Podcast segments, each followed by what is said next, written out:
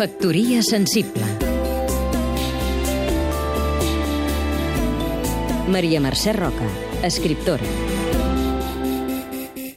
A través de la Institució de les Lletres Catalanes, l'altre dia es van conèixer la Montserrat Avelló i la Joana Raspall, dues esplèndides poetes de casa que sumen 195 anys de saviesa i memòria.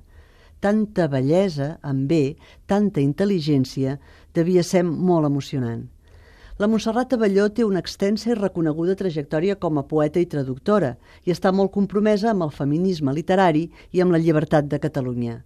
La Joana Raspall, que aquest 2013 fa 100 anys, és molt coneguda pels seus diccionaris, sobretot el de sinònims que hem fet servir tant, i per tota la poesia per a infants que ha escrit, una poesia que ha fet estimar els versos, la seva música i les seves imatges als nens i les nenes i els ha ensenyat que jugar amb les paraules de la nostra llengua és estimulant i divertit. Aquestes dues grans poetes no s'havien vist mai.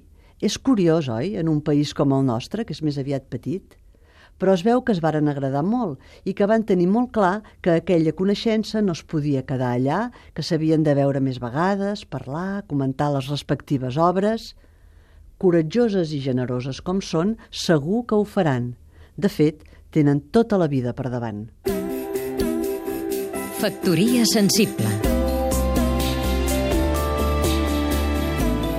Seguim-nos també a catradio.cat